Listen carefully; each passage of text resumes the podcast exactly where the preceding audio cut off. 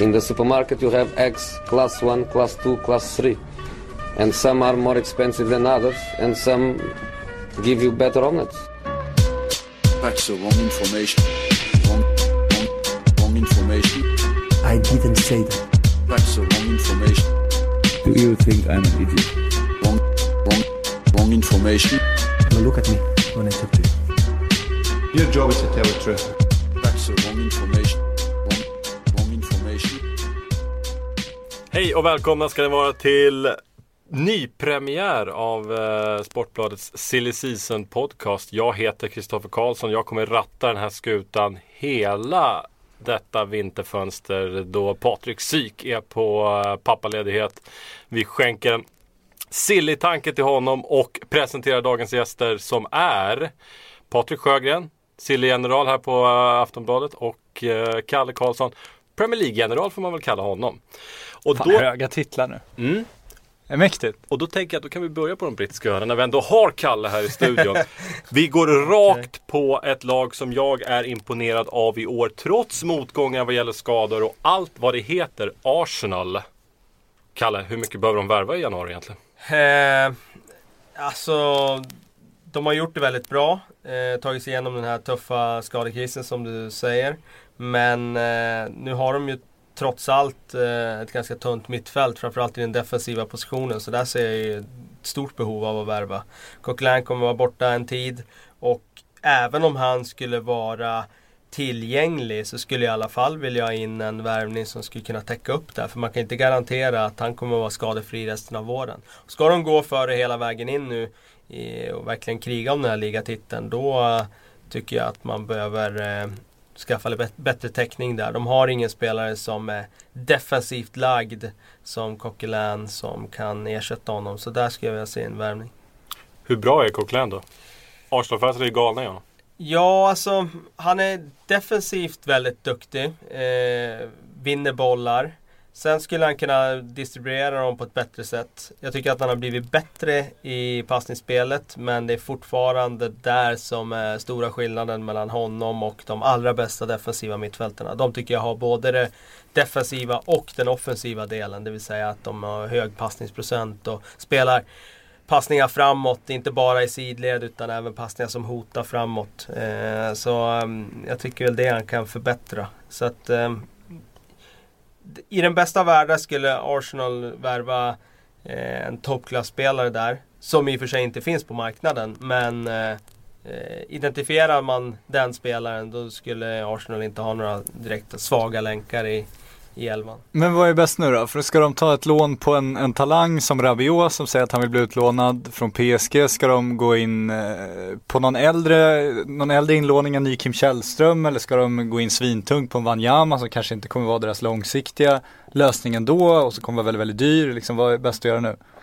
Nej, jag tycker att de ska gå in på en rejäl värvning, en, en dyrare värvning eh, som man eh, sikt, liksom ser långsiktighet med. Du säger att det inte är långsiktigt med Wanyama men köper man den typen av ja, men spelare. Så du kanske då... inte byter upp dig så, så mycket som han hade, du pratar om världsspelare liksom. Det vet inte jag om jag tycker men, Wanyama Nej det är han inte men som sagt alltså, det är svårt att hitta den spelaren. Finns inte riktigt på marknaden. Eh, det, Då får vi vänta tills Real mobbar ut någon bara. Sen, sen kan de vara där.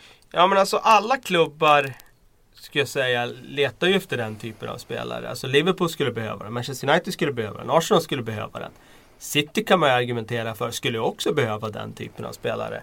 Eh, jag tycker det är en brist på den eh, marknaden, liksom på den punkten på marknaden. Så att jag tror inte de hittar den utan de kommer få lägga en ansenlig summa på en spelare som de hoppas kan utvecklas till den spelaren. Och Eh, då är det en Wanyama eller någon annan i den kategorin som jag ser som kanske lämplig eh, värvning. Sen om, om han eh, blir kvar på sikt och lyckas, det vet man ju aldrig. Nej. Men eh, man, jag tror inte man ska ta en ung spelare som eh, Rabiot som egentligen inte är defensivt lagd på det sättet. Jag vill ha en spelare som bara tänker defensivt, det vill säga en Coquelin som ser som sin prioritet att hela tiden eh, täcka upp för sina medspelare. Och eh, Det är den spelaren som, eh, som jag tycker att Arsenal behöver, behöver ha. En Marco Verratti typ? Nej, jag tycker att eh, han är bra. Han är väldigt bra och där får du ju verkligen den där passningsskickliga spelaren. Men den spelaren har ju Arsenal i överflöd. Det blir liksom en har Verratti bredvid Cazorla, ja men då har du två minispelare som är jätteduktiga passningsspelare. Men du har inte den som, som eh, med glädje går in och städar för de andra. Så att eh, jag skulle hellre kanske ha, istället för en Verratti, en som är bättre defensivt och behöver inte vara riktigt så duktig som Verratti är i passningsspelet. Och han kommer ju aldrig gå till Arsenal heller. Det kan man ju stryka. Nej, eh, det känns som att han kommer ha lite grann att välja på när eh, PSG plockar in Paul Pogba så småningom. Va? Eh, men en rak fråga till dig då Sjögren. För vi kan ju sitta här och spekulera hur mycket vi vill. Det kommer vi göra också. Grundfrågan är ändå, kommer Wenger att chocka oss alla och göra en januarivärvning den här säsongen? Jag tror inte det. Man kan ju aldrig gå in i ett fönster och tro att Wenger ska värva. Då, då har man ju all statistik emot sig i världen typ. Han var väl en av de som spenderade minst i somras nästan och eh, han kommer ju, januari är inte hans fönster, så är det ju alltid. Men eh, det vore samtidigt kul att pumpa upp förväntningar som man gjorde det där året med Kim Källström men ändå fick någon feeling för att det var någonting på gång och det ryktades rejält och sen rullade den där tonade bilen in och så klev Kim ut. Det tyckte man ju var roligt så det kanske det ska var bygga på det här ändå. Deadline day va? Ja, det var väl på deadline day. Ja. Och så hade han rygg och inte kunnat spela. Så det var ju det var ju då det var på gång med Draxler och så blev Ja, det. Källström. Så och det var det Källström som in. var den stora grejen då. Men då var man ju chockad eh, att den överhuvudtaget ryckte Draxler för att man förstod ju att Draxler kommer ju inte vara billig i januari liksom. Det skulle bli en svindyr affär och ändå var han ju där och, och tafsade då. Så han Ja, det hade var ju det på gång ändå. Så att där visar han att han ändå, eh, om det dyker upp så verkar han ju vara köpvillig. Vi får väl hoppas att han kanske har sparat lite pengar från i somras och känner att han har byggt ut sin budget och, och vågar gå in. Men samtidigt så det är så svårt att väga det. Hur desperat ska man vara? Nu är de i ett jätteläge, de kan vinna Premier League liksom. det, det är väl nu det är läge att gå in tungt. Samtidigt så så är ju januari en jävligt dum månad att handla för väldigt mycket för. För det brukar rent historiskt inte gå så bra för de spelarna. Så att det är ju den avvägning han får göra och Wenger brukar jobba med försiktiga kort då. Så att jag har svårt att se att han skulle gå all in. Jag måste fråga också, på temat Arsenal så rapporterade Daily Mirror idag tror jag att Everton ställt in siktet på en Callum Chambers. Eh, och då är ju frågan liksom, vad har hänt med Callum Chambers? Han var ju liksom det här, han var ju den här fickkniven som var lösningen på lite allt möjligt i Arsenal när han kom. Vad har hänt? Ehm, ja, jag tror att ett problem för honom är att han inte har en fast position som är satt. Att det här är den positionen som han ska satsa på. Han har varit lite mittback, han har lite högerback och Wenger har någon idé om att han eventuellt också kanske är defensiv mittfältare. Eh, han blir lite sådär mellanting mellan ytterback och, och mittback och han är inte tillräckligt bra egentligen för något av dem än, än så länge. Eh, såg väldigt spännande ut i SA-15, såg bra ut första tiden i Arsenal men eh, har inte räckt till efter det. Jag tror att en utlåning till Everton i vår, det vore väl inte alls någon dum idé. Eh, skulle kunna gynna både Chambers, Everton och Arsenal faktiskt också på sikt. Intressant med Arsenal tycker jag är det här ryktet med Nolito. Eh, det tycker jag väl inte är någon spelare som behövs för Arsenals del. Så jag blir förvånad att, att Jag har han varit inne på det på redaktionen här tidigare. Du tycker inte han passar in? Nej, alltså passar och passar men alltså Arsenal har ju offensiva mittfältare eh, Eh, i överflöd och i och för sig då så har de ju en tendens att drabbas av skador där framme och det blir lite tunt och någon match har Gibbs fått spela yttermitt när han inte eh, borde göra det kanske. Men eh, jag tycker inte Arsenal är i behov av den typen av spelare och jag är inte säker på att en Nolito passar att gå från eh, ett Celta rakt in i ett eh, tempofyllt Premier League och leverera där. Jag ser inte han som den typen av spelare. Jättebra men, eh, Men passar är- bättre i La Liga tror jag. Är inte grejen med Nolito att Celta verkligen vill sälja? Alltså de har ju Guidetti som knackar på dörren och gett honom ett längre kontrakt. De har sagt att de ska satsa på honom så att de behöver ju de är i ett säljläge liksom. Det känns snarare som de är ute och lägger ut Nolito krokar överallt hos Barcelona, hos Arsenal och sådana klubbar för att se om de liksom kan få riktigt bra betalt nu i januari. Och sen samtidigt så har de sitt egna bra alternativ i Guidetti som de kan spela in då.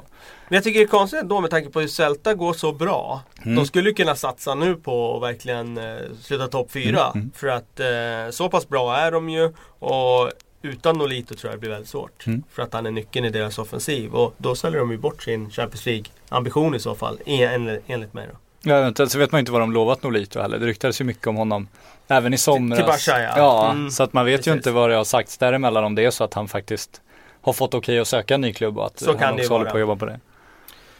Så kan det vara. Kommer Arsenal att vinna Premier League-titeln utan värvningar i januari grabbar? Ja, med tanke på hur svag Premier League är den här säsongen så går det ju inte att utesluta det. Alltså, Leicester kan ju vinna Premier League. Eh, Så krasst är det ju. Så att eh, jag tror att de kan vinna Premier League utan värvningar i januari. För att eh, det är inget topplag där uppe som ser så stabilt ut så att det är något lag som skrämmer. Men värvar de så förbättrar de sina chanser med ganska många procent. För att är det något man vet med Arsenal så är det ju att de kommer drabbas av skador under resans gång och då handlar det om att ha täckning. Sen blir det en tuff vår med FA Cup och Champions League där man har fått en hyfsat tuff lottning också. Så att eh, eh, kan ju vara positivt i och för sig för ligaspelet om man, om man åker ur mot Barcelona där. Men eh, jag tror att det behövs någon spelare till in.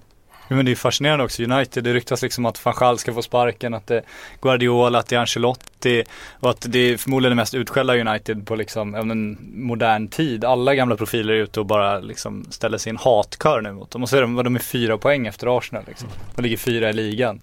Det säger ju en del om, om kvaliteten på ligan just nu. Det är sjukt många som hackar alltså. Ja, apropå United, för det är ju ett lag som in, numera inte är blyga vad gäller att spendera pengar. Eh, men är inte situationen lite olustig nu med en eh, van Gaal då som är minst sagt ifrågasatt ändå? Eh, om man ska pumpa in mer pengar i det där laget. Ska, Ja, man, ska göra, han- un, ska man göra under den här tränaren? Ja, ska han verkligen välja framtidens spelare? Det, jag tyckte det, var ju lite märkligt redan när han kom in. Det var ju ett ganska desperat val. De behövde någon, någon som var eh, väldigt rutinerad och kunde ta tag i det där med en gång. Och det har han gjort på sitt sätt. Han har ju ändå stadgat upp skeppet, även fast han inte har lyft dem till några större höjder. De är ju på en Champions League-plats nu liksom. De tog sig till Champions League, och åkte visserligen ut. Men, men han fick ändå viss, viss eh, rullning på det hela. Sen har man väl känt att han ska lämna över. Det är väl det som har varit tanken. Så har varit känslan hela tiden. Och att han då ska spendera, han spenderar över två miljarder på spelare redan om man liksom är i en övergångsfas. Det känns ju ganska absurt, det håller jag med om. Så om de nu ska ersätta honom, då kanske, alltså i sommar, då kanske det är lika bra att ersätta honom redan nu. Och om, du, om du har din ersättare klar och låta honom bygga redan i januari. Då har ju en Ancelotti som ju är ett... Han flaggar ju lite Ancelotti för att han kan vara intresserad av att Han vill ju jobba det. nu direkt Ja, i alla fall, det precis. märker man ju. Han sa väl Han att är han ute på inte... skärmoffensiv. Han gör ju alla intervjuer eh, över hela Europa. Exakt. Ja precis och det, det brukar tyda på att en tränare är villig att hoppa på en Exakt. karusell igen. Men ehm, jag håller med där. Alltså det, den managerinsats som van Gaal har gjort sedan han kom, den är ju katastrofal. Mm. Alltså tränarinsatsen första året, den tycker jag är godkänd och på gränsen till bra. För att han tar ett lag som slutar sjua eller vad de slutade året innan Mm. under Moyes och tar dem till Champions League. Och det var målet och det infriade han. Eh, så den var helt okej och de spelade rätt bra fotboll under en period där under våren och han fick ordning på skeppet. Eh, managerinsatsen under hela den här perioden, den är ju katastrofal. Mm. Han har lagt två miljarder och laget är ju sämre nu än vad, vad det var när han kom. Alltså kolla på elvan som, som startade i helgen. Och då kan man säga att ja, de har mycket skador. Jo men det är ju, det är ju hans tränar eh, eh, insats som har lagt grunden till det. Eh, det tränare, jag, jag har ju anammat Verheyens eh, synsätt på det här nu och det är ju att tränare är ju inte ansvarig för den enskilda skadan. Eh, för det drabbas alla av. Men tränare är alltid ansvariga för skadekriser. Och ja, då är det ju van fel att, att de har skadekris igen. Och de har det ett och ett halvt år efter att han steg in på, på torpet. Att de hade det första sommaren när han drog upp träningsnivån, det är en sak. Men nu har de det ett och ett halvt år senare också. Eh, och det är ju han själv som har värvat en Di Maria, en världsklasspelare. Mm. Och sen sett till så att han inte eh, ja, fick in honom i laget, så- såg till så han trivdes. Allt det där. Jag tror inte bara det handlar om Di Maria utan jag tror det handlar mycket om van Gaal också. Eh, det var under van Gaal som de plockade in en Falcao som var en, eh, ja, en flopp. Det var milt uttryckt. Ja, och Ja precis, och det hade ju varit ännu starkare ord kanske då om de hade löst honom. Nu Ja. var det ju bara ett lån då. Men eh, det är klart att så få av de här värvningarna har ju varit fullträffar hittills. Och då kommer man till ett januarifönster där man Känslan är att de skulle behöva lägga två miljarder till. eh, jag såg någon som, som så jämförde Uniteds och Citys 11. Eh, Som har United några spelare som skulle gå in i Citys lag? Det sker ja, han skulle gå in. Men sen då? Mm. Alltså Småling, ja han skulle gå in och ta en mittback. Men sen är det ju inte fler. Eh, och det, det säger någonting om hur snabbt den här Ja. nedgraderingen av hela spelartruppen har, har skett. Ja, nu pratar man inte om ett icke-fungerande lag. Nu pratar man ju även Paul Scholes om att det är, det är för dåliga spelare liksom. Ja. Average player gives an average team. Så Ja, är det. Alltså det är ju ett mediokert lag de ställer på benen eh, de senaste veckorna. Och i helgen här när de åkte till Bournemouth så eh, är det ju en backlinje som, det är ju Championship liksom. Eh, det är tre ungdomar och Varela som liksom värvades för några år sedan men som inte har spelat någonting som plötsligt kastas in i hetluften. Borthwick Jackson som är 18 år och så är det Blind som värvades som mittfältare som har blivit mittback nu. Det är, ja, någonting eh, måste ju göras. Eh, och det, det sjuka är att det är att de behöver värva ännu fler spelare. De behöver värva spelare av odiskutabel kvalitet och det har de för få av idag. Och det är väl det det snackas om nu också. Att nu är det, nu är det världsklasspelaren som ska in. Nu är det Ronaldo, Neymar, Gareth Bale. Det är den typen av spelare. Men samtidigt så har de ju förlorat sin attraktionskraft. Så är det ju och det är jättesvårt att locka den här typen av spelare nu. Ett jätteproblem för Manchester United har ju varit att Wayne Rooney, den spelaren som skulle Ja. vara den här världsklasspelaren som lyfter de andra runt omkring sig, har gått eh, rakt ner i källaren under den här eh, hösten och varit eh, liksom så formsvag så han inte har bidragit med i princip någonting. Och det har ju varit ett stort problem för då har ju de här Depay och Martial och de här som skulle spela runt den stora stjärnan. De har fått bära lasset själva och det har de inte varit kapabla till. Eh, det var- handlar väl också om utlåningar som gjort att man sitter i en konstig sitt. Speciellt på anfallarsidan. Jag tänker på Nick Powell som får hoppa in mot eh, Wolfsburg. Vi hoppar in mot Wolfsburg. Eh, lite märkligt inhopp där. Han kom från ingenstans. Folk hade väl glömt bort att han fanns till ens. Senast man läste någonting om honom det var ju den där artikeln om att han skulle lägga av med fotboll. Just det. Sen hoppar han in i en avgörande Champions League-match och byter ut Juan Mata och stoppar in Nick Powell. Nu fick han ju hoppa in igen här mot Bournemouth. Sen måste jag också fråga Schweinsteiger som van Gaal, det är ju ändå, även om jag gillar att klaga lite grann på Ed Woodward, det vet du Kalle. Så är ju Schweinsteiger, det är ju van Gaals värvning alla dagar i veckan. Och nu verkar det som att han smått hatar Schweinsteiger för det eh, halvåret han har gjort i United hittills. Vad, Vad, vad bygger du på att han hatar honom? Ja, men han var ju ute här i veckan och eh, sänkte honom. Liksom. Det här var inte den uh, Bastian jag såg i Bayern München. Han hade kunnat spela bättre i varje match. Och det är ju liksom, det är ju ganska dräpande omdöme. Men är inte det liksom des, den tyngsta domen mot van Gaal här som, som plockar in den här eh, gamla Bayern-spelaren? Jag tror att man blev förlockad av priset på Schweinsteiger. Alltså det var, det var så billigt att värva en spelare med den meritlistan. Och visst, han kostar ju en rejäl slant i lönekuvertet. Vilket alla de där spelarna gör. Men jag tror att United blev för attraherade av att oj, vi kan få Schweinsteiger för 7 miljoner pund eller vad det var nu då. Eh, det blev ju en väldigt låg summa till slut. Har det ju framkommit efteråt. Eh, och så tänkte man inte riktigt, är det den här spelaren vi behöver? Eh, det var ju en Bastian Schweinsteiger de hade behövt för fem år sedan. Men var det en Schweinsteiger av idag man hade behövt? Ja, det vet jag inte. Jag tycker att han drar ner tempot i spelet och han är duktig när det handlar om att hålla bollen inom laget. Men det gör ju United alldeles för mycket nu istället för att driva upp tempot. Och därför man hyllar Bayern också som lyckas bli av med en, en klubbhjälte. Det är ju svårt att putta ut dem annars för att du får ju fansen emot det lätt. Här lyckas de liksom få till en flytt som gör att det ser ut som Schweinsteiger då får en, får en ny utmaning, en, en jämnbördig klubb på något sätt. Och de lyckas bli av med både, eh, liksom det problemet skulle vara att sätta honom på bänken, det lönekuvertet han bar på. De behöver inte betala en del av lönen som man varit tvungna att göra om man sålt han till en, till en sämre klubb med lite sämre ekonomiska förutsättningar. Och de inte identifierade precis när de skulle göra sig av med honom. Så de gjorde ju en, en väldigt, väldigt bra affär där, det får man ju ge dem. Men det här januarifönstret, vi räknar med att United spenderar lite pengar va? Ja, vi räknar med att United spenderar lite pengar, vi räknar med att Chelsea spenderar lite pengar. Eh, City kan nog röra på sig också. Så får man se. Eh, I övrigt, Arsenal vet man ju aldrig. Alltså hade, det- hade det inte varit Arsene Wenger som satt där hade man ju sagt, ja men de kommer gå in tungt på mittfältare för de behöver verkligen det och de behöver det i ligaracet. Men, men hittar de ingen till ett, till ett pris som är hyfsat logiskt så vet man ju att Wenger, han- han kommer ju dra öronen åt sig. Han kommer inte vilja liksom bli lurad av en säljande klubb till att köpa en spelare för ett överpris trots att det kanske hade varit värt det priset för Arsenal om man tänker att de har ett ligaguld i sikte. Så eh, annars hade de också gått in tungt. Men det är ju det. Det finns många, gott om storklubbar med problem och det brukar bädda för härliga januarifönster. Så att nu jävlar, är man taggad. Liverpool då? Kommer Jörgen Klopp att börja sätta eller, lite mer av sin prägel på det här laget, på den här truppen i januari? Prägel satte han redan när de stod och gjorde vågen va? Efter Ja, vid 2-2. 2-2 Mm. mot West Bromwich. Den väckt reaktioner. Tyckte han satte sin prägel på laget redan i hans första match. För att eh, det var ett annat Liverpool då än vad det var tidigare. Så han är ju väldigt så här eh, högintensitetsfotboll är ju hans signum och det syns ju i varje, eh, varje lag han, han leder. Men eh, ja, jag tror att han kommer plocka in spelare som, som han själv får eh, handplocka. Och, eh, Det känns som att han har ganska inte- stort mandat i Liverpool va? så är det ju och eh, jag tror också att han har en jäkla dragningskraft som tränare. Alltså spelare vill spela för Klopp. Framförallt sådana i Bundesliga för där har han ju haft sån eh, stor Men det är kul fotboll också, det är ju det. Det händer mycket och det, det, han har karisma och liksom, det är, det är sexiga lag, det blir ju det. Ja, det, det blir kul att se lagen spela. Det blir kul att tror jag, som spelare vara en del av Ja. det.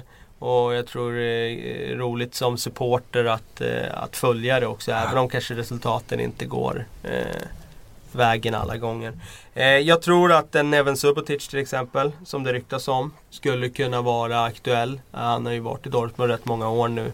Eh, ingen stjärna så, men han, eh, han skulle ju vara en, en bra mittback för ett Liverpool, det tror jag. Eh, Kolo Touré känns väl som att han skulle kunna avpoliteras. Mm. Fan, då tappar vi sången. Helvete. Och så måste vi prata om en målvakt som är ganska högaktuell i dessa tider. Han bjuder på uh, tabbe efter tabbe får man ändå säga. Simon Mignolet, är dags att ersätta honom redan i januari för uh, Brad Jones? Uh, är väl... Han var inte redo att ersätta honom förra gången och han lär väl inte vara Nej, det. är han ju inte. Det är han ju inte. Nej, men ehm, ja, det, det tror jag.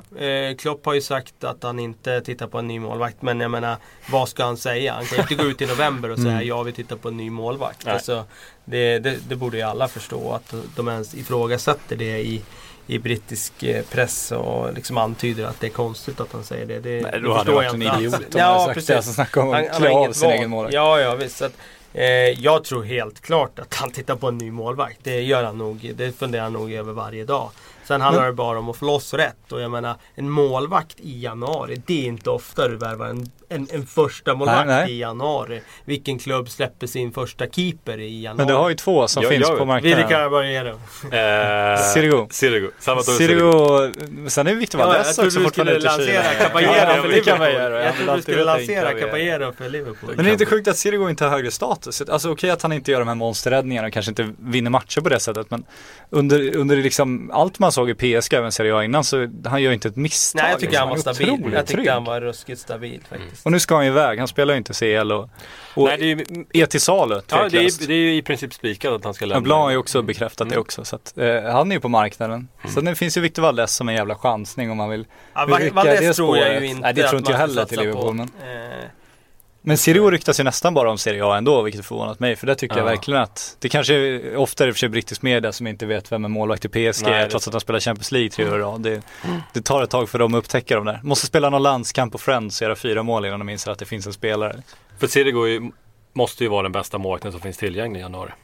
Alltså vråltillgänglig också. Ja, det är ju om... Eh, vi kommer att komma in på Valencia sen, men jag kan Mm. lansera en annan keeper där sen också. Eh, då flyttar vi oss till London. Chelsea. En klubb som kommer att värva galet i januari. Eller måste ju lappa ihop det här nu. De värvade ju ingenting i somras. Det är därför det går så här. Ja, Jävla aggressiv. ja jäklar vad aggressivt det är. Men, Lugna eh, ner dig. men Lägg eh, ner fickkniven nu för fan. jag tar ändå rygg på den åsikten. Alltså, det blev ödesdigert att tro att de bara skulle kunna surfa vidare på den framgångsvågen som fanns i fjol. Och, De slutar fan träna spelarna också här i mediet så att det är ju otroligt jävla oprofessionellt.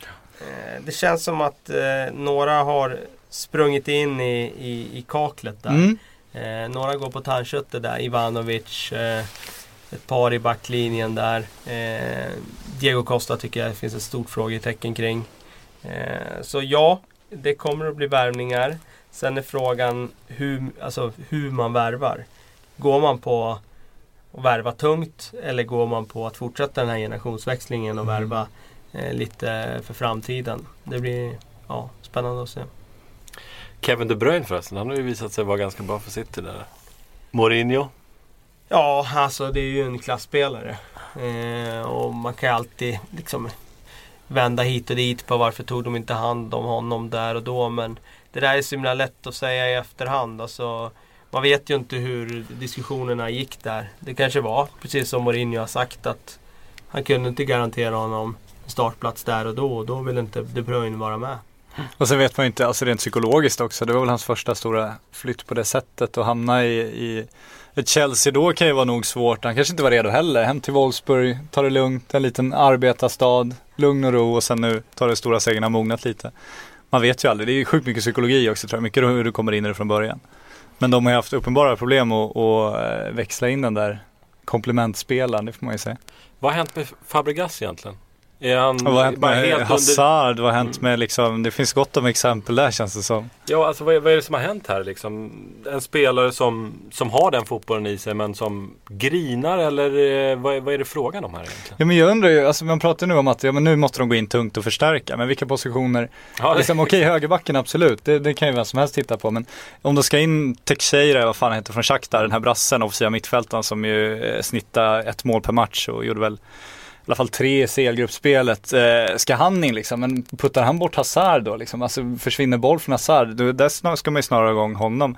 Ska man tycka Fabregas underpresterar, absolut, men ska man ersätta honom med en ny spelare, Fabregas är inte slut på något sätt. Det är han de måste få igång. Diego Costa, absolut underpresterar, vore bra, men forward som ger lite avlastning så han kanske kan vila sina ljumskar ibland och komma in hundraprocentigt. Men ska han peta Diego Costa, vem fan ska han få in som är ännu bättre än vad han är på en maxnivå? Det känns ju som man måste lyfta sina spelare snarare än, än bara, han kan inte ersätta de, de stjärnorna som ändå har den, den fotbollen i sig fortfarande liksom. Nej, när det gäller Diego Costa så kan man ju ana att det pyr någonting mellan han och Mourinho. Du, Och då du kan- tar det på västkastningen eller? Nej, nej, men, nej, men det är inte allmänt. Jag, jag, jag bara, bara känner att eh, Ja. ingen rök utan eld när det gäller, nej, inte på västkastningen utan mer på, Ja, jag gillar suttit på bänken och lite sådär, lite sådär mellan raderna bara kan jag tänka mig att... Eh, Aggressiva. KK har en konflikt där, han är, ser supernöjd ut. Så. Eh, och då är frågan, kommer han, eh, är han, är han en långsiktig lösning för Chelsea med tanke på att han är skadad så ofta som han ändå är? Ja, nej, det, det tror inte jag heller att han är, men jag och undrar då vem kanske man... man ska värva in en spelare som är den långsiktiga lösningen om man kan göra det Absolut, nu. men jag vem tror inte, får du i Jag tror januari? inte Det att man den- får den i Nej. januari. Nej. Det är om Real verkligen, om Benzema gör bort sig ännu mer och Chelsea inte har några som helst moraliska eller etiska regler, då kan de ju lyfta in honom där. Ja men det är ju en chansning att ta Benzema. Ja, herregud, nu är det det. vad som händer där. Men Chelsea blir den klubb som värvar dyrast i januari, eller hur? Alltså, Manchester man- United, ja, United tror jag kan kommer inte gå in ännu dyrare. Det tror jag. Mhm. Det tror jag. Und, med van Gaal som tränare alltså? Jag tror att han kommer sitta kvar ett tag till, ja. Mm. Sen om det är rätt eller inte, det är en annan diskussion.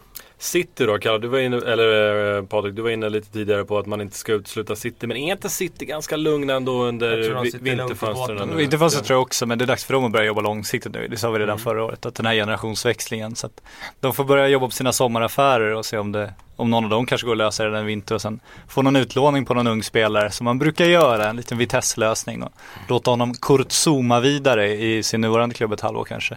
Men de är ju det projektet som ju fortfarande behöver styras om, det har de inte gjort. De fick in De Bruyne absolut, men eh, det finns mycket kvar att, ersätta och växla om där. Så de, de har att göra ändå. Ja, för De Bruyne är väl den det liksom stora utropstecknet i City vad gäller sommaren. Eh, annars är det ju Annars så hackar man ju i ligan och det är lite upp och ner sådär. Ja, Aguero har fortsatta skadeproblem och kommer, kommer behöva ersätta snart också. Yahya Touré har de fortfarande inte ersatt. Eh, Nasri måste de ju bli av med snart, tycker man. Eh, Mangala kan de ju eh, ta in vem som helst istället för.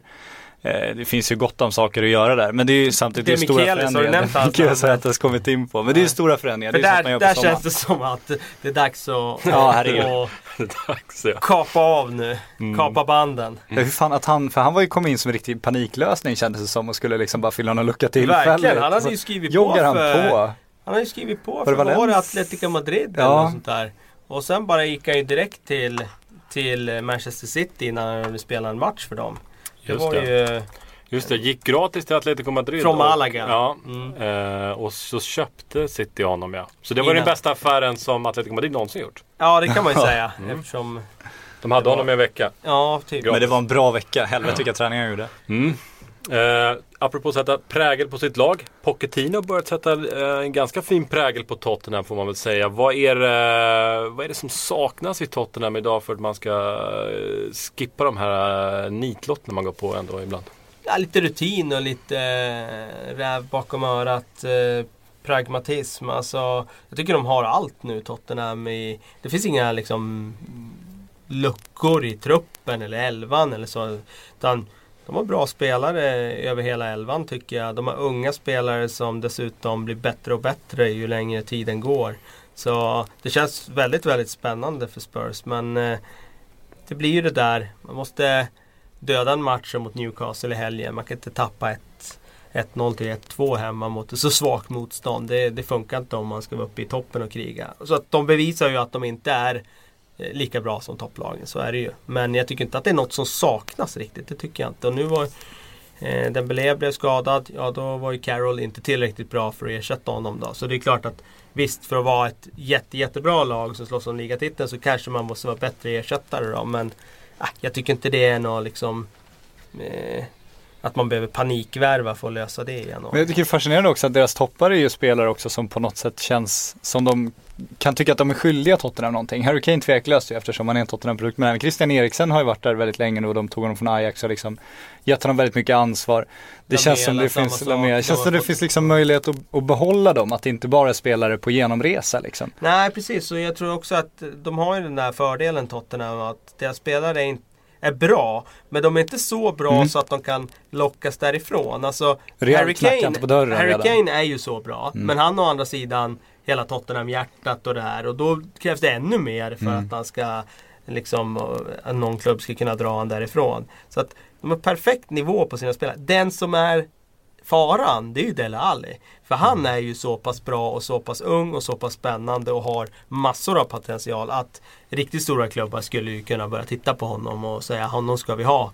Och lägga ett sjukt bud. För jag tror att eh, han kan bli något, eh, alltså riktigt stort så. Nästa stora engelska mittfältare. Så där är väl risken då i dagens elva.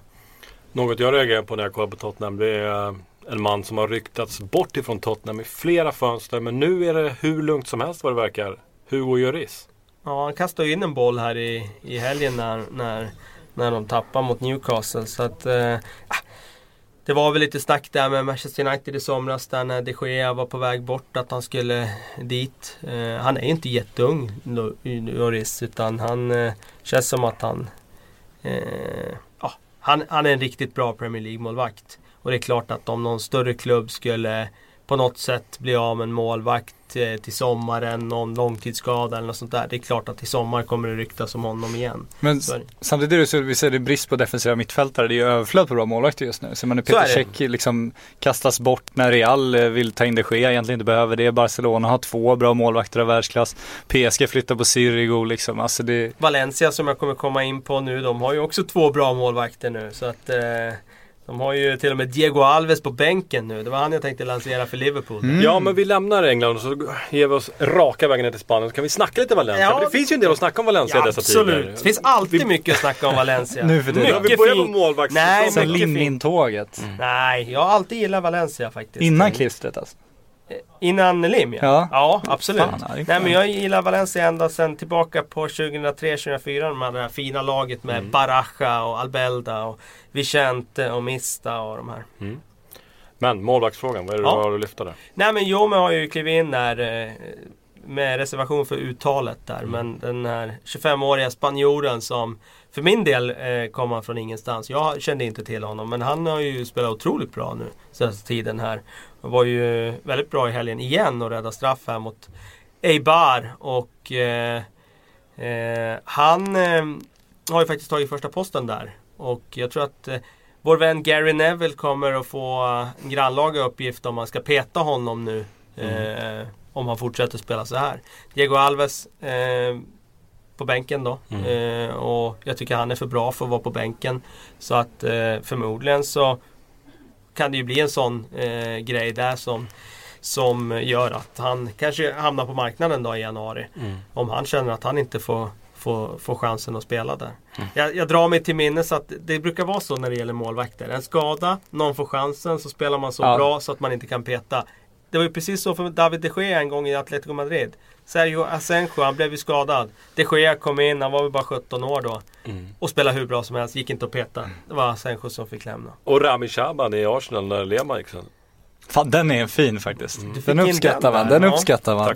Fan. Men ärligt talat, Gary Neville, vi kan inte bara passera utan Ja, att nämna. lägg korten på bordet här med Peter Lim, ägare i Valencia. Hur känner han Gary Neville, Sjögren? Ja, han har bland annat bostad, fastighetsaffärer med Gary Neville i Manchester. De har eh, Salford City, där eh, sjunde divisionslaget har de tillsammans, där eh, Scholes och Phil Neville och lite annat folk också är inblandat. Eh, så att de är ju tajta polare. Det jag tycker är så exceptionellt jävla sjukt, det är att han tar in Gary Neville till en liga Gary Neville förmodligen inte vet någonting om. Han sätter honom på ett jobb som Gary Neville aldrig tidigare haft i sitt liv. Absolut, han var assisterande i, i landslaget men det känns som liksom, det är inte så att vi ringer Marcus Albeck om det blir aktuellt med Malmö FF nu liksom.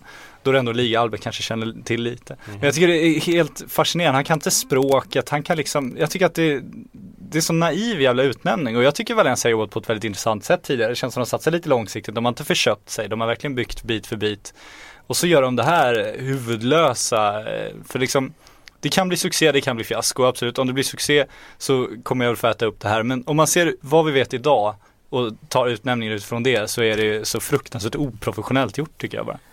Eh, för det första så tycker jag det är intressant sådär med just hur, hur eh, tränaryrket har eh, liksom kravspecen har förändrats rejält på den. Alltså hade någon sagt för tio år sedan att en spelare gick direkt från att spela match till att bli tränare. Det är ju ingen som höjde på ögonbrynen. Det var ju liksom så här, ja vadå, han har ingen utbildning, han går rakt in och är tränare. Det var, inte, det var inget konstigt. Nej.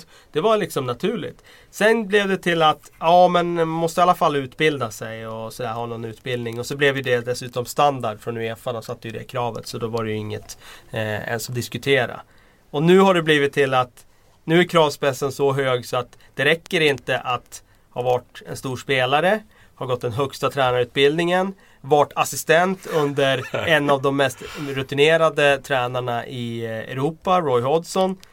Det är ändå inte tillräckligt. Ja, men, Så, men jag, som, jag har inte pratat klart. Jag tycker bara det är intressant det fenomenet hur det har, verkligen har förändrats. Det har gått ganska fort också. Ja. Sen håller jag med dig om allt det du säger. Att eh, det är en populistisk eh, Alltså eh, jävla skitutnämning. Nej, det är en populistisk eh, utnämning utifrån att Gary Neville har varit väldigt het på tränarmarknaden. Jag tror att han har fått väldigt många erbjudanden under tiden som han... Eh, Varit en hyllad tv-expert, för det har fan gynnat honom. Det går det inte att har, hylla med. ja, det är klart att det har gjort det. Den Herregud. bästa Nej, i men engelsk alltså- tv-historia. Ja, Ja, det, men tveklöst. alltså, det, är, det är han ju. Men sen det där är ju så svårt att säga också. Jag menar, det kanske fanns någon eh, för 20 år sedan, 20, 25 år sedan som var jättebra. Men då fanns inte tekniken Mm, som mm. kunde visa att han var så bra. Jag menar idag har du, de har ju sin specialkamera som bara Sky har till exempel. Och andra har ju inte tillgång till den. Och Då, Fågel. Ja, fågelperspektivet. Och det är klart att då har ju de såklart en jättefördel av att sitta på den. Eh, och sen har de ju den där eh, tekniken i studion som jag tror har kostat ett antal miljoner att installera. Så att, eh, ja. Eh, men han är väldigt bra. Jag tycker som sagt inte bara hans eh, liksom att, eh, att han är duktig på att analysera utan är ju väldigt tv-mässig också. Det är det som gör att, att han är väldigt bra. Eh, men visst är det så. Det är en, alltså, Peter Lim har ju via att han är vän med honom fått chansen att värva honom. Eh, och han, har ju, han vet ju om att Neville är het. Så eh, attraktivt Mm, tränarnamn. Och eh, han tar ju såklart chansen då att ta, göra ett populistiskt val och, och, och, och plocka honom då.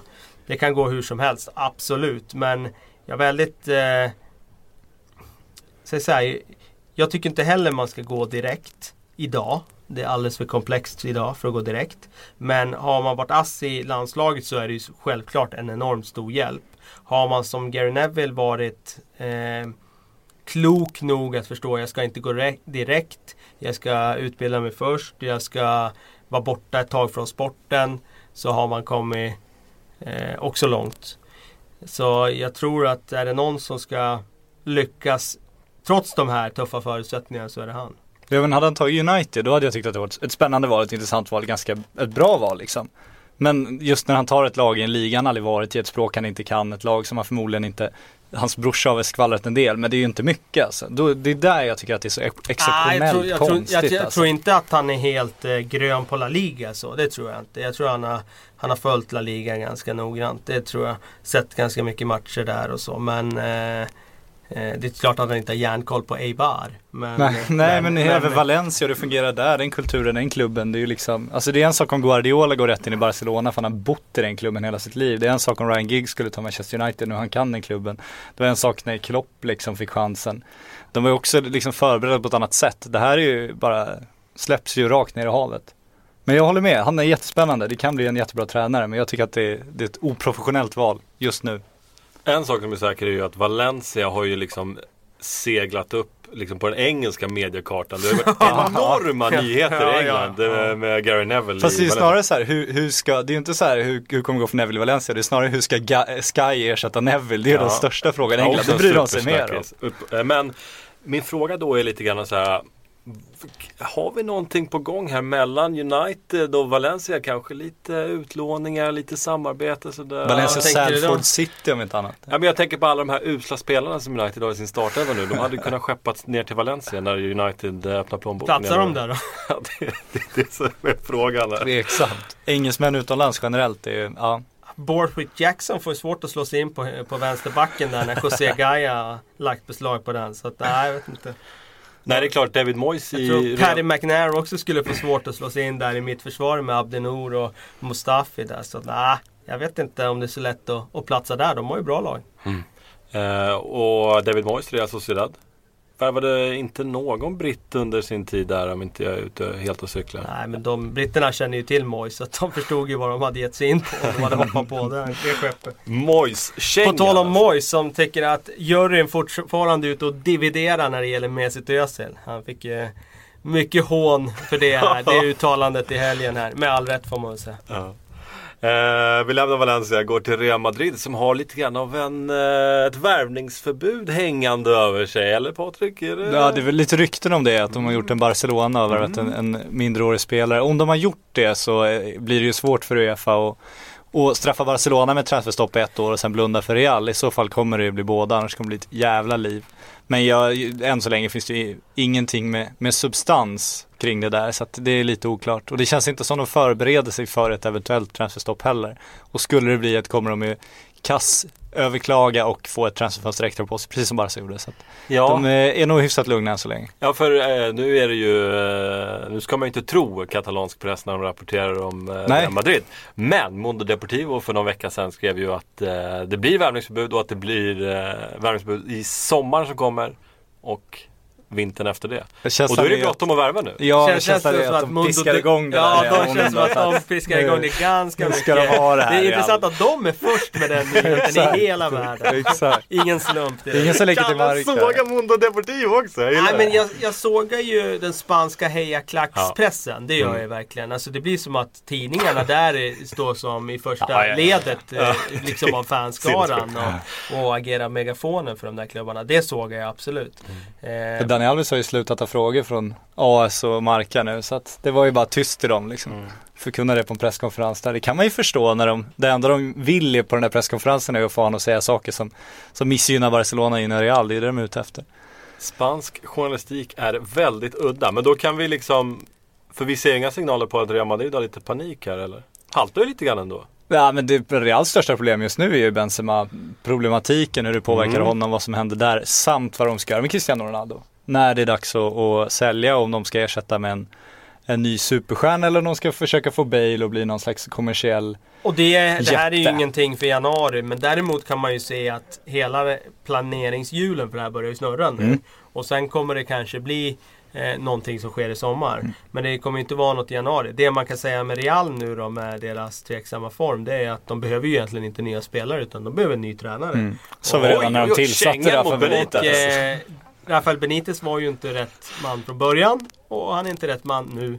Och han kommer inte bli rätt man framöver heller. Men det är så fascinerande att de valde honom. Jag tycker, för alla satt ju, verkligen alla satt. Det var som att sparka in de största, mest öppna dörrarna i världen när man säger ah, det där är ett dåligt val liksom. För alla gjorde det och ändå, ändå sitter han där och så går ingen vidare och även fast det gått bra så hade han förmodligen spelat så tråkig fotboll så han fått sparken ändå. Så att, det är otroligt intressant. Ja, jag, jag gillar Boxarkalle. Han delar ut känga efter känga. Han kör Det hade varit ett intressant eh, kärnaval annars för Valencia. För där har ju Mm. Benitez haft framgångar tidigare och det hade ju kunnat varit rimligt.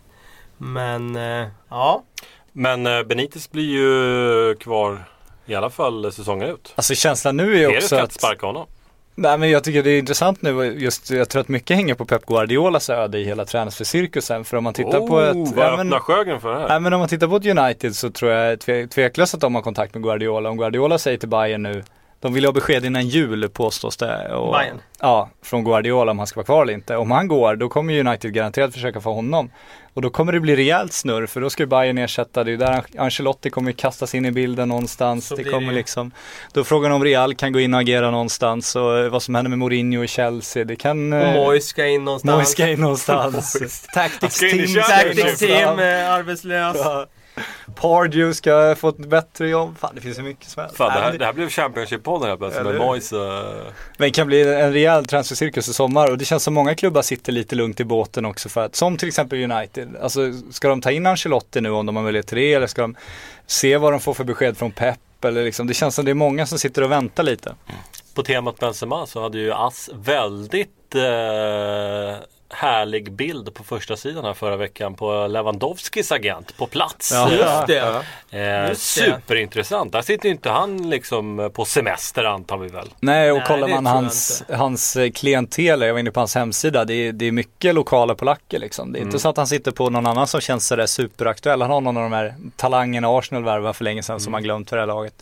Så att det är väl en Lewa- Lewandowski-scoutning han gör där. Sen är han väl där som hedersgäst och får lite middag så att de bygger relationer. Det är väl Så är det det det går ut på. Men eh, den kan man ju se Ja, någonstans i herregud. kikarsiktet. Att Real Madrid ställer in siktet på honom. För att Benzema känns ju inte som den långsiktiga lösningen nu med det klammeri han har hamnat i. Och, eh, vem kan de hitta som är tillgänglig nia? Ingen egentligen. Men Lewandowski är ju en sån som kanske går att köpa loss. Ja.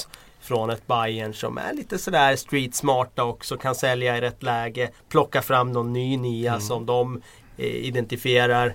Och ja, den, den kan jag se ske i sommar. För, Benzema till PSG efter det där. mm, för Lewandowski är väl världens bästa anfallare. Ja det var väl, eh, Nej, Luis Suarez tycker jag är världens bästa. det var, vem fan var det? Ja det var någon gammal, Om du snackar nia. som Ja, påstod det. nia. Ja. Om du snackar nia så ska jag säga Suarez. Jag ser ingen som, som gör det som han gör eh, i båda riktningarna. Alltså en, en forward som gör så mycket mål, så mycket nytta för laget och som dessutom springer så mycket defensivt som han gör. Nej, jag tror inte du får det av någon annan. Då kanske de river upp BBC alltså. Vad blir det då istället? Ut med ett B. BLC. det BLC, sån- det är ju för fan en macka. Eller det känns så. Ja, det är ju lika bra det. Eh, Barcelona, Arda Turan kommer kunna spela efter januari. Eh, är det det enda vi kan, nya influensen vi kommer se i Barca efter Alex Vidal va? Vidal ska du ha in också. Ja, Vidal för fan. Nej men de, de känns som, de måste ju garanterat ta in en anfallare. De har ju fortfarande inte ersatt Pedro. När eh, Neymar är skadad nu så eh, är det liksom, det, det ser riktigt skralt ut. Ska de långt i alla turneringar och om de skulle få en till skada där så har de enorma problem. Så att de behöver en kompletterande anfallare. Det är ju där det pratas om Nolito, det pratas Precis. om Jonathan Soriano och, och spelare som eh, har förflutet framförallt i Barcas B-lag kanske men ändå har varit och vänt i klubben. Som kan bli en ny Larsson. Ny Larsson. De vill ju gärna ha katalaner där så att Nolito är väl katalan från början va? Det kan han vara, jag är inte säker på att han Ja, är det faktiskt. Jo men han börjar i. Espanyol va? Ja, jag tror det. Jag tror det också. Men Soriano känns ju annars som en riktig Larsson-värvning. Alltså han Ja, har gjort perfekt. svinmycket mål i mindre liga. Han kommer utan förväntningar för att han gjort det i mindre liga. Han har rutin, han kan klubben, han kan acceptera att sitta på bänken.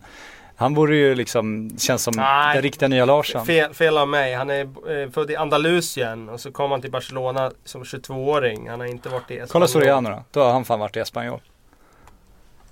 Ja, Soriano har varit i La Masia. Ja och i. Espanyol tror jag Mm. han varit innan. Espanyol, jag fostrade i Espanyol. Nej, Soriano är, tror jag till och med en kille som skulle kunna platsa i en startelva i Barcelona. Alltså den målspruta han är, han gör ju mål på Alltså, precis han petar ju ingen i den ordinarie. Nej, nej, nej, jag säger inte att han ska peta någon, men en skada på någon så hade de Ja. kunnat fortsätta spela Barca-fotboll med Ja. Soriano. Han hade Absolut. öst in mål. Ja men en, en riktig Larsson liksom. Mm. Nej, han, jag tror också att han vore den, eh, vore den perfekta lösningen. Frågan är om Salzburg släpper han i januari. Det, de är väl skyldiga honom det. Han har ändå varit där ett par tre år nu. Sjögren, står allting rätt till i Barcelona? Jag tänker på Luis Enrique. Det har ändå varit de här skriverierna om slitningar i truppen. Är det guld och gröna skogar i Jag tycker det var intressant. Jag tror inte att det är det. Jag tycker det var intressant idag att Barcelona pumpade ut en, en 57 minuter lång intervju med Luis Enrique som de även bemödat sig att dubba till engelska. Där han liksom får, får sitta ohämmat tillsammans med två intervjuare och bara eh, skänka rosor över klubben liksom. Mm. Och det är väldigt sällan man, man tar, tar en timme av en tränare på det sättet. Och, och jag älskar också att de brandar den som exklusiv intervju. måste vara jävla svårt att få när man har anställt killen betalar hans lön. Fan, Ja. Det är kämpigt alltså. kämpigt. Jag har ingen annan här, vi får exklusivt. Fan vad Ja. häftigt. Ja, nej men det tyder på att det kanske finns eh, bränder att släcka känner de då. Samtidigt om man tittar på laget så fungerar ju allt så väl oljat så att man blir orolig nästan. Alltså de här tre anfallarna, att de kommer överens så bra att de liksom, de står ju och kramas utanför plan också. De där känns ju, det inte som att det finns några problem. Nej men de kommer ju fira jul framför Leo Messis julgran som för övrigt är den mest obskyra jävla skapelsen jag sett i hela mitt liv. Googla fram Leo Messis julgran på, på Instagram. Den är Var det faktiskt, inget bar på den eller vadå?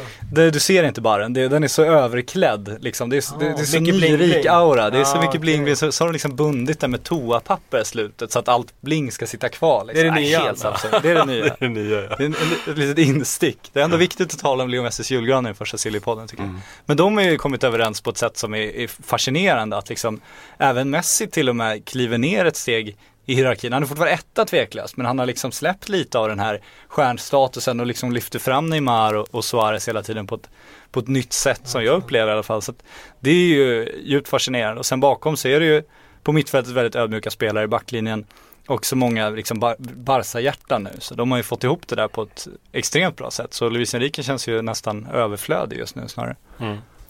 För om det skulle börja gå dåligt då är det det här förhållandet med Messi som kanske inte är det bästa i världen.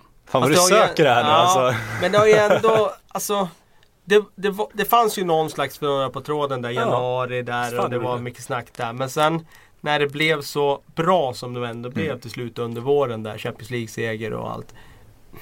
Mm. Det känns väl som att det, det lappades ihop det där förhållandet och sen i år har liksom Messi bara fortsatt Mm. att leverera och Mm. laget bara vinner och vinner. Jag har svårt att se att det ska finnas något eh, där nu. Men det är ju lätt att komma överens när det går bra. Så är det ju Exakt. verkligen. Jag tror att det ligger någonting upp. du, du hoppas på det, Ja. eller hur? Eh, största överraskningen i spansk fotboll Vill jag i år? inte få läsa om det i Depo- Mundo. Nej det kommer vi inte få göra. inte i sport heller. Möjligen när de hänvisar till att det har skrivits i Marca. Liksom. Ja, Och dementerar. Ja, demontera. Ta ner det. Exakt. Se till att köpa Ass och Marca om ni vill läsa om splittringarna i Barcelona. Exakt. Eh, spansk fotbolls största överraskning i år eh, vågar jag nästan säga är Celta Vigo. Eh, men utan en John Guidetti. Och så läste jag en superintressant intervju i lokaltidningen Faro de Vigo med vår John. Eh, där reportern i fråga öppnade för en utlåning. Eh, och det gillar man ju när reportern tar initiativ. Och Guidetti stängde inte dörren helt och hållet där. Kan det vara så att Guidetti är på väg ut på, från, på lån från Celta Vigo? Nej, jag tror inte det. Jag tror han kommer ha första året som en anpassningsperiod. Sen tror jag att någon av de andra kommer försvinna. Jag tror att de jobbar på att Nolito ska bort. Jag, Ja, det, Du vill ju ha det så. Ja men jag, det är känslan man får tycker jag. Jo men jag tycker, jag tycker inte köparna är så själv... tar initiativ här också Exakt, exakt. Jag vill ha bort Nolito. Jag Exakt. Nej, men jag tycker inte köparna är så självklara för att ryktet ska liksom komma upp för att han är så eftertraktad. Utan jag tycker snarare att det känns som han är på jakt efter någon annat och jag tycker att det kändes redan när Guidetti-värvningen kom som att det var Nolito som skulle ersättas och var på väg bort. Så att jag tror fortfarande att han, att han kommer försvinna senast i sommar och då tror jag John kommer få chansen att vara förstaanfallare i alla fall. Alltså Berizos högintensitetsfotboll kommer ju att dränera Celta Vigo tror jag. Eh, på energi ju längre säsongen går. Och jag är övertygad om att de kommer behöva rotera i det här laget. Även om de inte slåss på flera fronter och så vidare. Eh, jag tror att det kommer komma chanser i, i vår. Helt säker på det för John om han stannar där. Så att eh, jag tror och hoppas att han blir kvar och tar de chanserna han får i, i våren. Han har ju byggt sin fotbollskällare också i garaget, han kan inte dra redan. Det var ingen billig investering. Att... Och de Nej. skulle installera mikrofon, eller högtalaren också så han får publikljudet där inne i sin artificiella fotbollsplan. Just Och det, det. det gör man inte om man vill bli utlånad. Just ja, och det är bra strandpromenader eh, nere i Vigo också. Kan Ja. man bolla med grabbarna där också. Exakt. Eh, vi tar en liten sväng förbi Tyskland också. grabbar. Nere i Vigo, det är väl uppe i Vigo? Ja, uppe i Vigo. Uppe i vänstra hörnet ja. Mm. Precis. Du ser, jag har faktiskt varit Vänstra hörnet. Ja. Eh, eh, vi tar en liten sväng förbi Tyskland som sagt. Jag är, Wolfsburg måste vi snacka om, herregud. Eh, slår ett United i eh, Champions League. Trots jag, att de har Bentner på bänken, det är fan en bedrift alltså. Det också. Ja, det är jag, sagt. jag tänker främst på eh, Draxler som verkligen blommat ut nu. Eh, det var ju ett jättekap man gjorde ändå från Schalke där. Det var ju, engelska tidningarna hade ju placerat honom bestämt i England. Men nu är Sen var, var han ju inte billig heller, så att kap kanske är fel ord. Men det var väl en bra, en bra investering med facit i hand, det får man väl säga. Men det är ju spännande just med Volkswagen-krisen som är he- helt och fullständig i ägare. Jag har varit i. Wolfsburg event och eh, de, är ju, de äger hela klubben, 100%. Mm. Eh, och de ska ju förlora en, ja, 300 miljarder runda slängar. Mm. Så att det är ju, jag tycker framförallt Okej att Wolfsburg har råd att fortsätta driva fotbollsklubben men jag undrar liksom vad lo- lokalbefolkningen tänker om det börjar bli uppsägningar och så. Eh, att du liksom, för det är en väldigt liten stad, det är liksom en, en, en väg bara som skiljer fabriken från arenan. Om de rullar in där i sina lyxbilar då och lyfter sin superlön och de köper spelare för 400 miljoner som, som Draxler. Hur länge man accepterar det om du samtidigt har neddragningar på den här fabriken, mm. dina släktingar börjar förlora jobbet, det börjar liksom, det börjar släckas lysen i stan. Då undrar jag om det är liksom försvarbart att driva en fotbollsklubb med den ekonomiska rullningen. Det kan bli intressant att se. Uh, tyska ligan är ju som den brukar vara nu för tiden. Mm, lite avhängd ändå. Fem poäng eh, leder de med i alla fall. Lite avhängd. Ja. Lite av mig. Eh, Ja. Men Dortmund ger ändå Ja, lite grann strid under faktiskt, touchen. Det får man ändå säga. Alltså, det kändes när de bara öste på i början där, Bayern, det kändes som att det var, det var avgjort i mars förra säsongen. Det känns som att det var avgjort i november den här Mm. säsongen. Men eh, eh, Dortmund har ju fått ett rejält lyft. Ja. Och med tanke på hur liksom, Aubameyang gör ju mål på, i varje match. Så det känns som att de kan hänga i eh, ganska länge i det här racet. Jag tror inte att de tar det. Men jag tror att de kan skugga i alla fall så att det eh, lever en bit. Och det vore väl kul. Det, var, det är inte kul för, och bra för Bundesliga om det år efter år bara är avgjort tidigt in på våren. Så att det får vi väl hoppas. Däremot när det gäller transfers och så, så känslan är ju att Bundesliga är inte så mycket action i januari. Alltså man kan måla upp det i, för sig själv och så. Men sen när vi väl sitter Mm. där på deadline day så händer det inte ett smack i Tyskland. Eh, och känslan är väl nu att eh, eh, det kommer vara samma sak nu. Det finns en målskytt där att hitta i alla fall, i Stefan Kiesling. Han vill ju gå från, från Leverkusen och Chicharito Han är bänk bakom. Chicharito ja. Eh, och Sa i helgen att han eh, måste, måste se till sin framtid och försöka njuta av den sista åren i sin karriär. Ja, det är 31 klart. nu. Så att han, han eh, finns på marknaden. Mm. Det är upplagt för någon som behöver lite, lite utfyllnad bakom Giroud kanske eller eh, lite andra Han är inte luckor. tillräckligt bra tycker jag Kiesling för att liksom gå dit till Arsenal. och Och, ja, nej, men alltså, ja, men alltså han är tvåa bakom Chicharito. Ska Arsenal ta en spelare som är tvåa bakom Två, Chicharito? ska bli två bakom Giroud där. Nej, nej, jag, kör- nej, jag ska inte ta han. Jag ska inte ta han. Däremot så mm, borde det finnas klubbar som är intresserade av honom. För han har ju bra track record. Vi måste också nämna Inter. Inför, eller... Eh, Du lämnar Tyskland nu bara sådär? Ja, har du något mer att säga? Nej, Nej, nej. Eh, vi, måste, vi, måste, vi måste nämna Inter. Eh, lag som värvade ganska Jag vill alltid in på Schalke annars. Ja men kör Schalke, vad hade du sagt? Nej men jag tycker en sån som eh, Sané där, backen. Mm. Det är ju en sån spelare som det ryktas väldigt mycket om i somras. Borde inte det vara en väldigt intressant spelare för många storklubbar nu i januari? Borde gå att köpa loss om man bara lägger mm. tillräckligt mycket mm, pesetas. Ja, när de till och med säljer Draxler inom ligan då. Ja, alltså. Jag tror att det är nästa stora fynd från Schalke. Eh, som blir, eller fynd ska jag inte säga, han kommer kosta massor. Men eh, alltså nästa stora spelare från Schalke. Mm. De har haft ett, ett par på sistone. Ja, det får man säga. Eh, inte var ett lag som värvade friskt i eh, somras. Eh, det gjorde Milan också. Det var liksom eh, Där och då var det liksom så här, hur ska det här gå? Inte värva lite mer defensivt, lite mer så här stort och starkt i en eh, Kondogbia till exempel. Men Milan var lite mer eh, eh, Lite mer trixigt, lite mer... Eh, Det ska se lite sexigt ut när Milan exakt, varvar. exakt. Och eh, Sexiga 38-åringar. nästan halvvägs in i säsongen så har vi lite grann ett facit. Inter går som tåget Ja, i får man säga. Serie A. Nej, de har gjort det bra, men de fick ju Kondogbia som Milan ville ha också. Det kändes som det var lite matchen Fick en vinnare redan där, för då fick de lite mer flyt. Spelarna såg att det kanske var på Inters sida av stan det hände och inte på Milans. Så Milan har ju snarare en Carlos Bacca som sitter och åker med Sevilla spelarbuss nu för tiden. Så att eh, det- där är det snack åt andra hållet istället.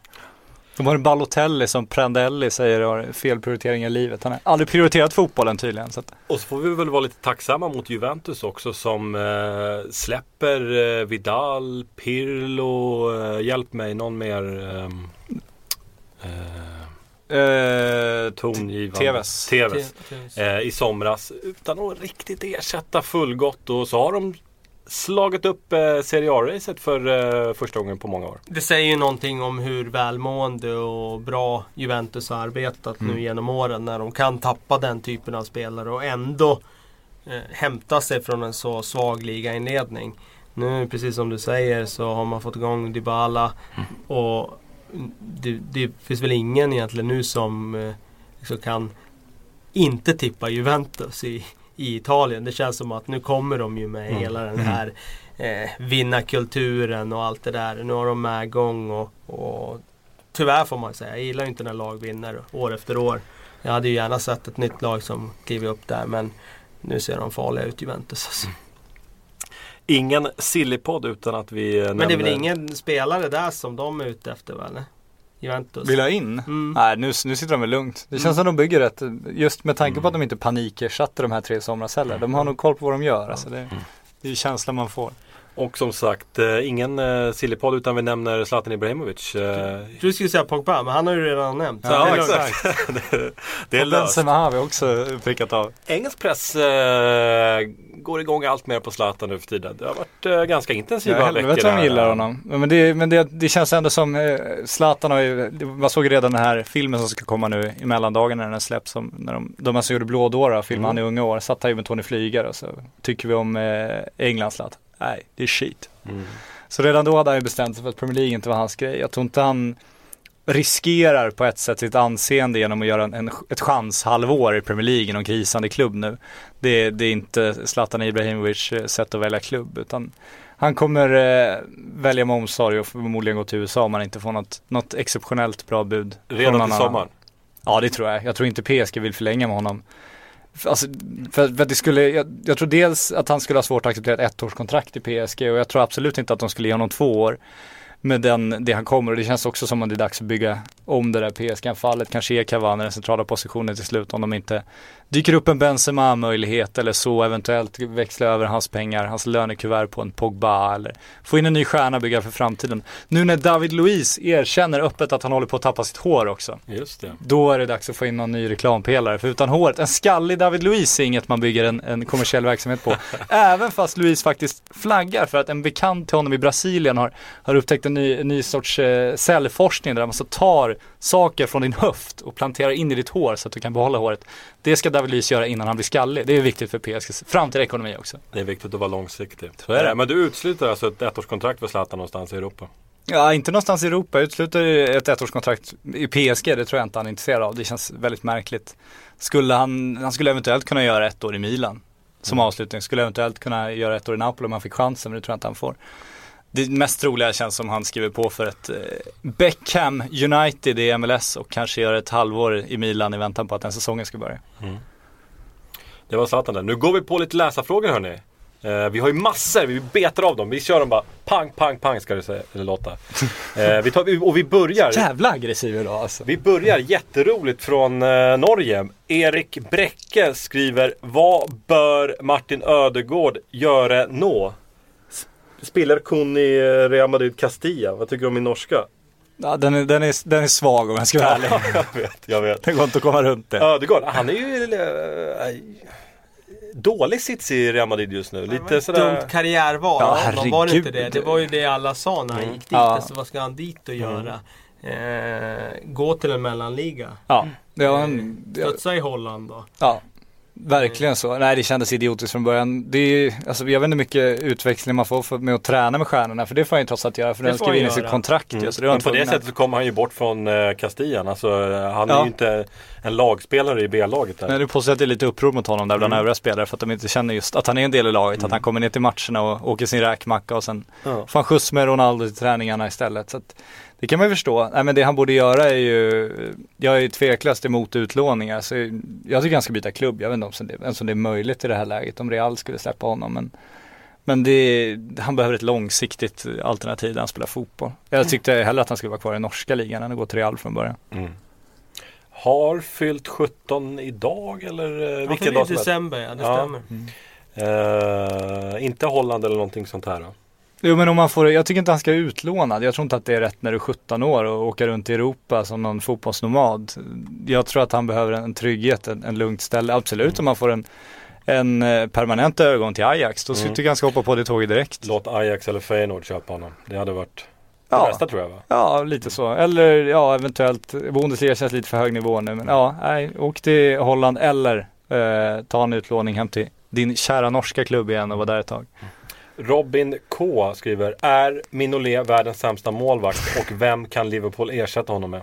Världens sämsta, Ja, ja, världens. det var, då är man dålig. Då är man rätt Jag har ja. sett dåliga målvakter i mina dagar om man räknar in allt man har sett. Ja, nej det är, ja, det är klart att de ska ersätta honom om de får chansen att, att hitta en bra keeper. Det tycker jag.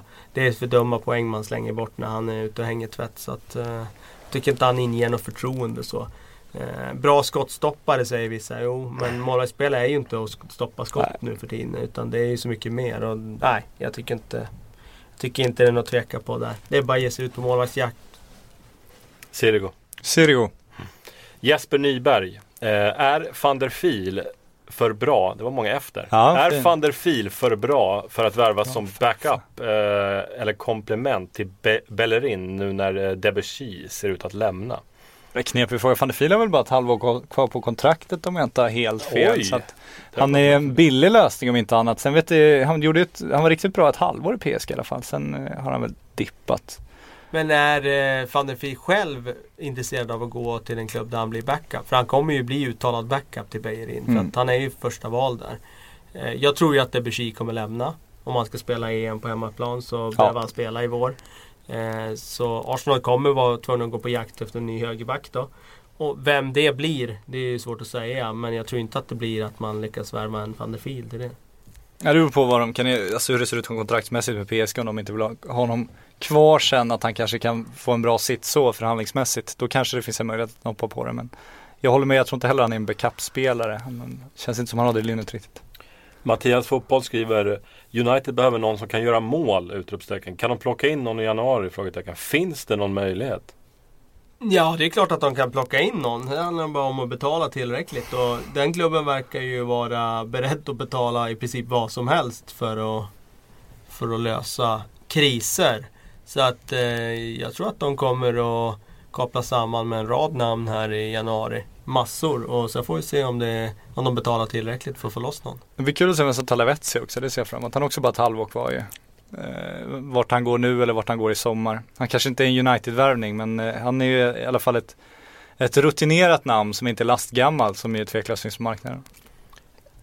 Esse Arsenal skriver Är Real Madrid fortfarande intresserade av att värva de Gea med tanke på hans form denna säsong? Äh, De Geas form har ju varit bra. Däremot så borde han väl ha tagit hörnan här i helgen från Stanislas där. Men eh, han har ju varit bra i höst. Det är ju ganska hopplöst att vara de Gea med de spelarna han spelar med. Ja, jag ja, tycker men man alltså- ser det på honom. Han ser direkt olycklig ut. Ja, det är möjligt. Han, eh, han har ju gjort eh, matchavgörande räddningar flera gånger i höst här. Så jag skulle inte säga att hans form är något att tveka på. Däremot så var ju Keylor Navas otroligt bra i början av säsongen och då tror jag att Real insåg att de hade ju faktiskt en väldigt bra målvakt redan. Ja, men det känns inte som de, de behövde ju aldrig egentligen de Gea utan de behövde ju en Galactico Ja, känns det som. Och det var ju där det fanns en möjlighet. Att, och då får man se om Benzema-problemen fortsätter, om Ronaldo ska ersättas, då finns det ju gott om plats att ta in Galacticos på andra positioner och då kommer de ju förmodligen inte bemöda sig att byta målvakt också, det tror jag inte. Här är en intressant fråga från Marcus Hertz. Värdera sannolikheten i Engvall till Stoke-ryktet och bedöm hans chanser i Premier League. Alltså, sannolikheten, det är ju bevisligen någonting där. Han har ju, blivit inbjuden att träna för att han Ja. inte kommit till vägen.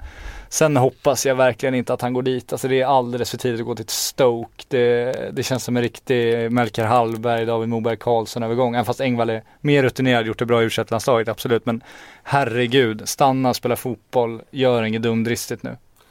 Alltså jag tror att många eh, underskattar Premier League-lagens alltså resurser och, och bänkspelare.